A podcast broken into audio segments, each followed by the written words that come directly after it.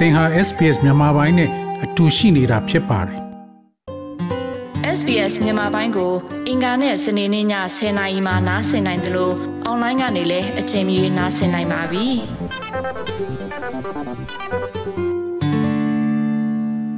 သောတာရှင်များခင်ဗျာဩစတြေးလျနိုင်ငံရှိ မတူကွဲပြားသူများကောင်စီ Diversity Council သည်နှစ်နှစ်တစ်ချိန်ပါဝင်ပေါင်းစည်းနိုင်မှုနဲ့နှောက်ယှက်မှုနဲ့ခွဲခြားဆက်ဆံမှုများကို ပုံဖော်တဲ့လေးလာမှုတစ်ခုဖြစ်တဲ့ Inclusion at Work Index ကို Australia လောက်သားအင်အားတစ်ခုလုံးအတွက်ထုတ်ဝေပေးပါတယ်။ယခုဒီဇင်ဘာလတွင်နောက်ထပ်အညွှန်းကိန်းကို ထုတ်ပြန်ပေးမှာဖြစ်ပါတယ်။ဒါပေမဲ့လုပ်ငန်းခွင်မှာခွဲခြားဆက်ဆံမှုဆိုတာအတိအကျ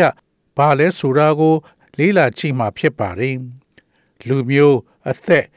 လိင်စိတ်တိမ်ညွတ်မှုကိုဝင်သို့မဟုတ် ဘာသာတရားတို့ကဲ့သို့သော လူတဦးရဲ့ဂုံရည်တချို့ကြောင့်အလုရှင်ကလူတဦးကိုဆိုးဝါးစွာအရေးယူသောအခါတွင်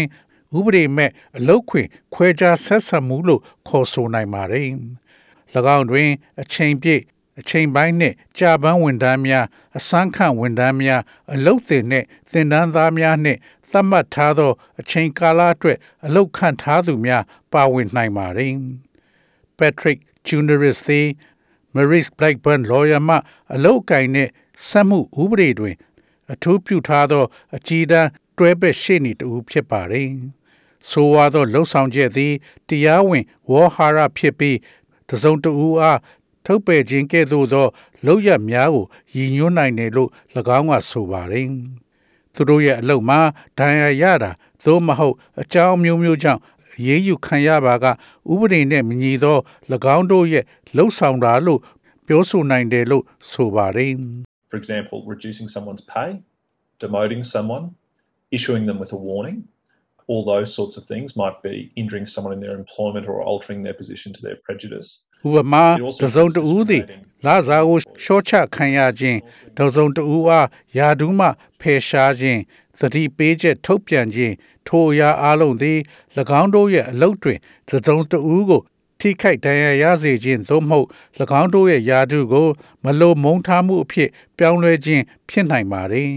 ဝန်တန်းအချင်းချင်းခွဲခြားဆက်ဆံခြင်းနဲ့ပါဝင်နိုင်ပါ रे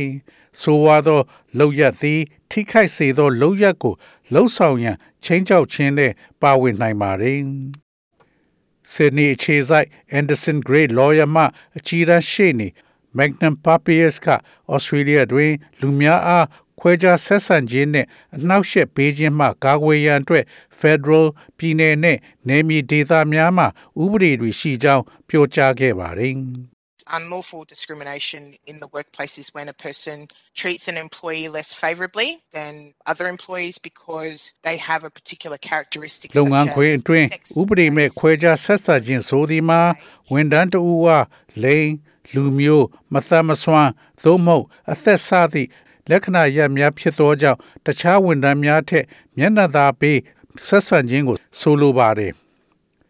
ခွဲခြားဆက်ဆံမှုသည်တရားဥပဒေသို့မဟုတ်တရားမဝင်ဟုဆုံးဖြတ်ရန်လူတဦးစုရဲ့အခြေအနေများဖြစ်ရတစ်ခုချင်းကို လိုက်ကြည့်ရှုရန်လိုအပ်ကြောင်း Miss Papa မှပြောကြားပါတယ် an example of a discrimination where a person requires an employee to comply with a requirement or condition that they're unable to comply with because of their race, age, sex, or disability. And that requirement or condition has or is likely to have an effect of disadvantaging that employee would be somebody who has dependent children, so they may need to pick their children up from school. ခွဲခြားဆက်ဆံခြင်းဥပမာတစ်ခုဟာဝန်ထမ်းတဦးဟာ၎င်းရဲ့လူမျိုးအသက်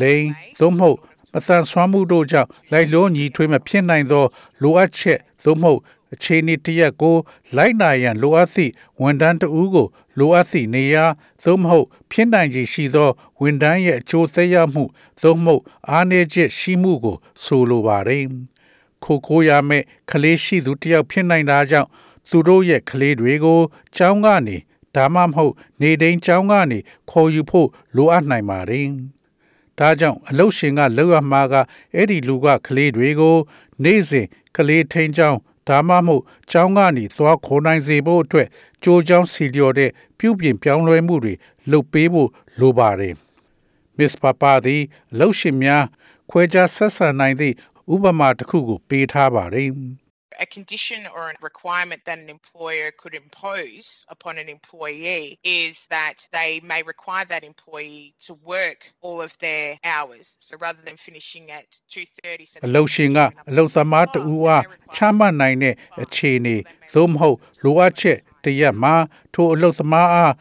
၎င်းတို့ရဲ့နာရီအားလုံးကို အလုတ်ခိုင်းစေခြင်းဖြစ်နိုင်ပါတယ်။ညနေ2နာရီခွဲမှာအလုတ်ပြီးတာထက်သားသမီးတွေကို 3နာရီမှာသွားခွန်နိုင်ဖို့အတွက်ညနေ9နာရီထိအလုတ်ခိုင်းနိုင်ပါတယ်။ဒါမှမဟုတ်အချိန်ပိုလုတ်ခိုင်းနိုင်ပါတယ်။သို့သောထိုလိုအပ်သည့်အခါတွင်သင့်တော်သော ပြုပြင်ပြောင်းလဲမှုများပြုလုပ်နိုင်စေရန်အလုတ်ရှင်များသိရှိနားလည်စေဖို့သေချာစေရန်ဝန်ထမ်းများသည်၎င်းတို့၏အခြေအနေများကိုအလုတ်ရှင်များအားအသိပေးရန်လိုအပ်ပါတယ် 2019ခုနှစ်မတူကွဲပြားခြင်းကောင်စီရဲ့နောက်ဆုံးအစီအခံစာအရ Aboriginal နဲ့ Torres Strait ကျွန်းသားများသည်လုပ်ငန်းခွင်များတွင် ခွဲခြားဆက်ဆံခံရမှုနှုန်းအမြင့်ဆုံးကိုကြုံတွေ့ခဲ့ရတယ်လို့ဆိုပါတယ်။တရားမျှတသော အလုပ်အပ်ဥပဒေ Fair Work Act အောက်တွင်အလုပ်ရှင်သည်အလုပ်သမားတဦးအား၎င်းတို့ရဲ့သီးခြားအရေးချင်းကြောင့်ခွဲခြားဆက်ဆံခြင်းမရှိပါက ဒါကိုဆိုးဝါးသောအရေးယူမှုလို့ပြောလို့မရဘူးလို့ဆိုပါတယ်။ဥပမာအားဖြင့် performance management ဆွဲဆောင်ရေးစီမံခန့်ခွဲမှုသည်မတူညီသော ပြဿနာတစ်ခုဖြစ်ကြောင်း Diversity Council Australia မှအမှုဆောင်အရာရှိချုပ် Lisa NC ကပြောကြားပါတယ်။ It is not discrimination to performance manage an individual with unsatisfactory performance. There should be no concerns for an employer providing they're not performance managing someone simply because ခြေနှက်ဖွဲမရှိသောဆွမ်းဆောင်ရည်မရှိတဲ့လူတဦးကိုစီမံခန့်ခွဲတာကခွဲခြားဆက်ဆံခြင်းမဟုတ်ပါဘူးမတူကွဲပြားမှုကြောင့်အလုတ်ကိုထိထိရောက်ရောက်မစွမ်းဆောင်နိုင်ခြင်းကြောင့်တစုံတဦးကိုစီမံခန့်ခွဲရာတွင်စွမ်းရည်မရှိတာကအလုတ်ရှင်အတွက်စိုးရိမ်စရာမရှိသင့်ပါဘူး မစ္စတာနာကမကြာခဏဆိုသလိုခွဲခြားဆက်ဆံခြင်းဟာမသိမသာဖြစ်နိုင်ပါတယ်ဒါပေမဲ့အဲ့ဒီမှာခွဲခြားဆက်ဆံခြင်းလို့ပြောမရတဲ့အခြေအနေတွေလည်းရှိတတ်တယ်လို့ဆိုပါတယ် If you turned up at work drunk and your employer had a policy saying you need to be sober when you're at work and you were issued with a warning, then provided that you were being treated consistently with other employees, then just because you might be from a different racial background or might have a disability, then that probably အ won't လုတ် be ကို unlawful အ for ရက် you မူ to ပြီး make ရောက်လာတာ because you can produce အလုတ်ရှင်က evidence အလုတ်မှာ being treated အရက်မမူရဘူးလို့မူဝါဒချမှတ်ထားရင်သင်သည်တခြားဝန်ထမ်းများနဲ့တသမတ်သေးဆက်ဆံခံရကြောင်းတတိပေးထုတ်ပြန်ထားနိုင်ပြီးတကယ်လို့သင်သည် မတူညီသော လူမျိုး၏နောက်ခံသို့မဟုတ်မသမဆွမ်းသူဖြစ်နိုင်ပေမဲ့ဒါကဥပဒေမဲ့ ခွဲခြားဆက်ဆံခြင်းမျိုးမဟုတ်ပါဘူးသင်အားအဲ့ဒီအခြေအနေများမှာတခြားသူများနဲ့မတူကွဲပြားဆက်ဆံခံရကြောင်းသက်သေပြရန်အထောက်အထားတချို့မထုတ်ပြနိုင်ရင်အလုတ်ရှင်လောက်တာကတရားဝင်တယ်လို့ပြောနိုင်ပါတယ်။ဒါပေမဲ့တကယ်ခွဲခြားဆက်ဆံခံရတယ်လို့ထင်ရင်ဘာလုပ်လို့ရပါလဲ။ Miss Papa ကစိုးရိမ်ပူပန်မှုများကို အလုတ်ရှင်ထံဥစွာတင်ပြရန်အရေးကြီးပြီးဒါကအလုံးမဖြစ်ပါကကျွမ်းကျင်သောအချမ်းဉာဏ်ကိုရယူရန်အရေးကြီးတယ်လို့ Miss Papa မှပြောဆိုပါတယ်။ Most employers have complaints or grievance processes in place, so they should definitely report the issue at first instance to their employer to try and get the matters resolved. If the issue isn't able to be resolved in the workplace, then I'd probably recommend for people to get advice either from an employment lawyer or အလုပ်ရှင်အများစုမှာတိုင်ကြားစာသို့မဟုတ်မကျေနပ်ချက်များကိုတင်ပြရန်အစီအစဉ်ရှိတတ်ပါတယ်။ အဲ့ဒါကပြဿနာများကိုဖြေရှင်းရန်စ조사တဲ့လှုပ်ဆောင်ချက်ဖြစ်ပါတယ်။ဒါကြောင့်အလုပ်ရှင်ကိုဥစွာတင်ပြသင့်ပါတယ်။လုပ်ငန်းခွင်မှာဒီပြဿနာမပြေလည်ရင်အလုပ်ရှိနေခွဲခြားဆက်ဆံမှုစန့်ကျင်ရေးရှိနေဒါမှမဟုတ်သမဂအဖွဲ့ဝင်ဖြစ်ရင်သူတို့နဲ့တိုင်ပင်ဆွေးနွေးဖို့အကြံပေးခြင်းပါတယ်။ဒါနဲ့ဆက်လင်းလို့အကြံရယူပါ။ခွဲခြားဆက်ဆံခြင်းကို တားမြစ်တဲ့ဩစတြေးလျရှိခိုင်မာသောဥပဒေများကို လူများသိရှိထားရန်အရေးကြီးတယ်လို့မစ္စတာတာနာမှပြောကြားပါတယ်။ခွဲခြားဆက်ဆံမှုအတွက်တတောင်းဆိုမှုမှ ဖြစ်ပေါ်လာနိုင်တဲ့မတူညီသောရလဒ်တချို့ကို၎င်းကမိမောင်းထိုးပြထားပါတယ် In some cases, you might be reinstated, so put back in the job that you're performing. You might receive compensation. That can be compensation for economic loss, for example, loss of income if you've lost your job and can't be put back. You might also receive compensation for any injury you've suffered and hurt, distress, and humiliation. So, how it's made you feel. There are other things that courts and tribunals can order. In some cases, they might impose a fine against တချို့ကိစ္စတွေမှာ They might သိ also အား order မူလရာထူး၌ပြန်လည်ခန့်အပ်ခြင်းကိုခံရနိုင်ပါတယ်။ထို့ကြောင့်သင်လှုပ်ဆောင်နေသောအလုပ်တွင် ပြန်လည်ထည့်သွင်းခံနိုင်ရပါတယ်။ ဥပမာဝင်ငွေဆုံးရှုံးမှုအတွက်ရော်ရေးကိုသင်ရရှိနိုင်ပါတယ်။တကယ်လို့သင်ဟာအလုပ်ပြုတ်သွားလို့ပြန်မရနိုင်ပါက သင်ခံစားရတဲ့စိတ်ဒဏ်ရာနဲ့ဆက်ဆက်သောဒုက္ခနဲ့အရှက်တရားများအတွက်ရော်ရေးငွေကိုလည်းရရှိနိုင်ပါတယ်။ထို့ကြောင့်ဒါတွေကသင်အားမိကဲ့သို့ခံစားစေခဲ့ရသည်ကို အကြောင်းပြနိုင်ပါတယ်။တရားယုံများနဲ့ခုံယုံများကအမိန့်ပေးနိုင်တဲ့တခြားအရာများရှိပါတယ်။ တချို့ကိစ္စများမှာအလုရှင်အားဓာငွေချမှတ်နိုင်ပါတယ်။၎င်းတို့မှအဆိုပါတောင်းပန်မှု ဖြစ်ပေါ်လာပါကသို့မဟုတ်ထပ်မံမဖြစ်ပွားစေရန်သေချာစေရန်အလုရှင်က အလုခွင်မှာသင်သားများမိတ်ဆက်ပေးရန်အမိန့်ပေးနိုင်ပါတယ်။ Diversity Council မှ Lisa Ensef ကအလုတ်ခွင်တစ်ခုသည် လေးစားမှုရှိသည့်အခါနှင့်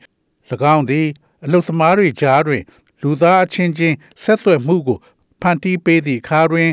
ပါဝင်ပေါင်းစည်းမှုဖြစ်တယ်လို့ဆိုနိုင်တယ်ဟုဆိုပါတယ် Inclusion is about making the mix of people work effectively. And so creating an inclusive environment for diverse people is an active thing that organisations have to do. We know that diversity and inclusion leads to improved innovation, more လူ creative တိုင်းပါဝင် problem ပေါင်းစည်းမှုမှာ solving, လူများ that can ရောနှော၍ impact ထိရောက်စွာအလုပ်လုပ်ခြင်းဖြစ်ပါတယ်ထို့ကြောင့်ပါဝင်နိုင်သောပါဝင်ကျင်တစ်ခုသို့မဟုတ် မတူကွဲပြားသောလူများကိုဖန်တီးပေးခြင်းသည် အဖွဲ့အစည်းများရဲ့တက်ကြွလှုပ်ဆောင်ရမယ့်အချက်တစ်ခုဖြစ်ပါတယ်အဖွဲ့အစည်းများအတွက်အရေးကြီးသော အကြောင်းရင်းမှာမတူကွဲပြားမှုနှင့်ပေါင်းဆက်ပါဝင်မှုသည် တိုးတက်ဆန်းသစ်တည်ထွင်မှုသို့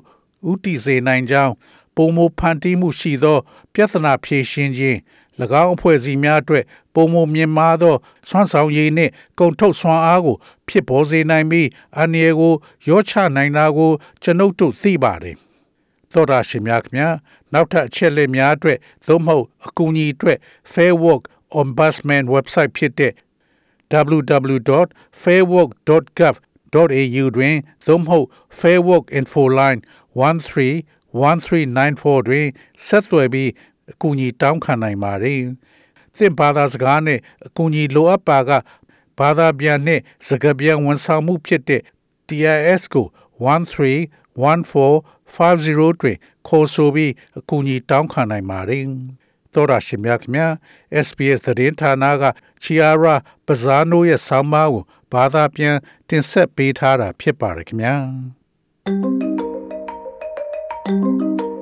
SBS Radio App ကို download လုပ်ပြီးနားဆင်မှတ်ချက်ပြုနိုင်ပါတယ်။ဒါ့ရိုက်သို့မဟုတ်အချိန်မီနားဆင်နိုင်ပါပြီ။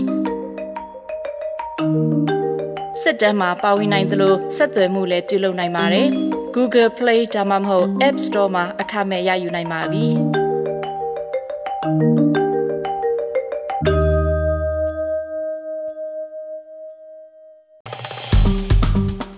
SBS မြန်မာပိုင်းကို Facebook ပေါ်မှာ like ရှာပြီး like မျှဝေမှတ်ချက်ပေးပါ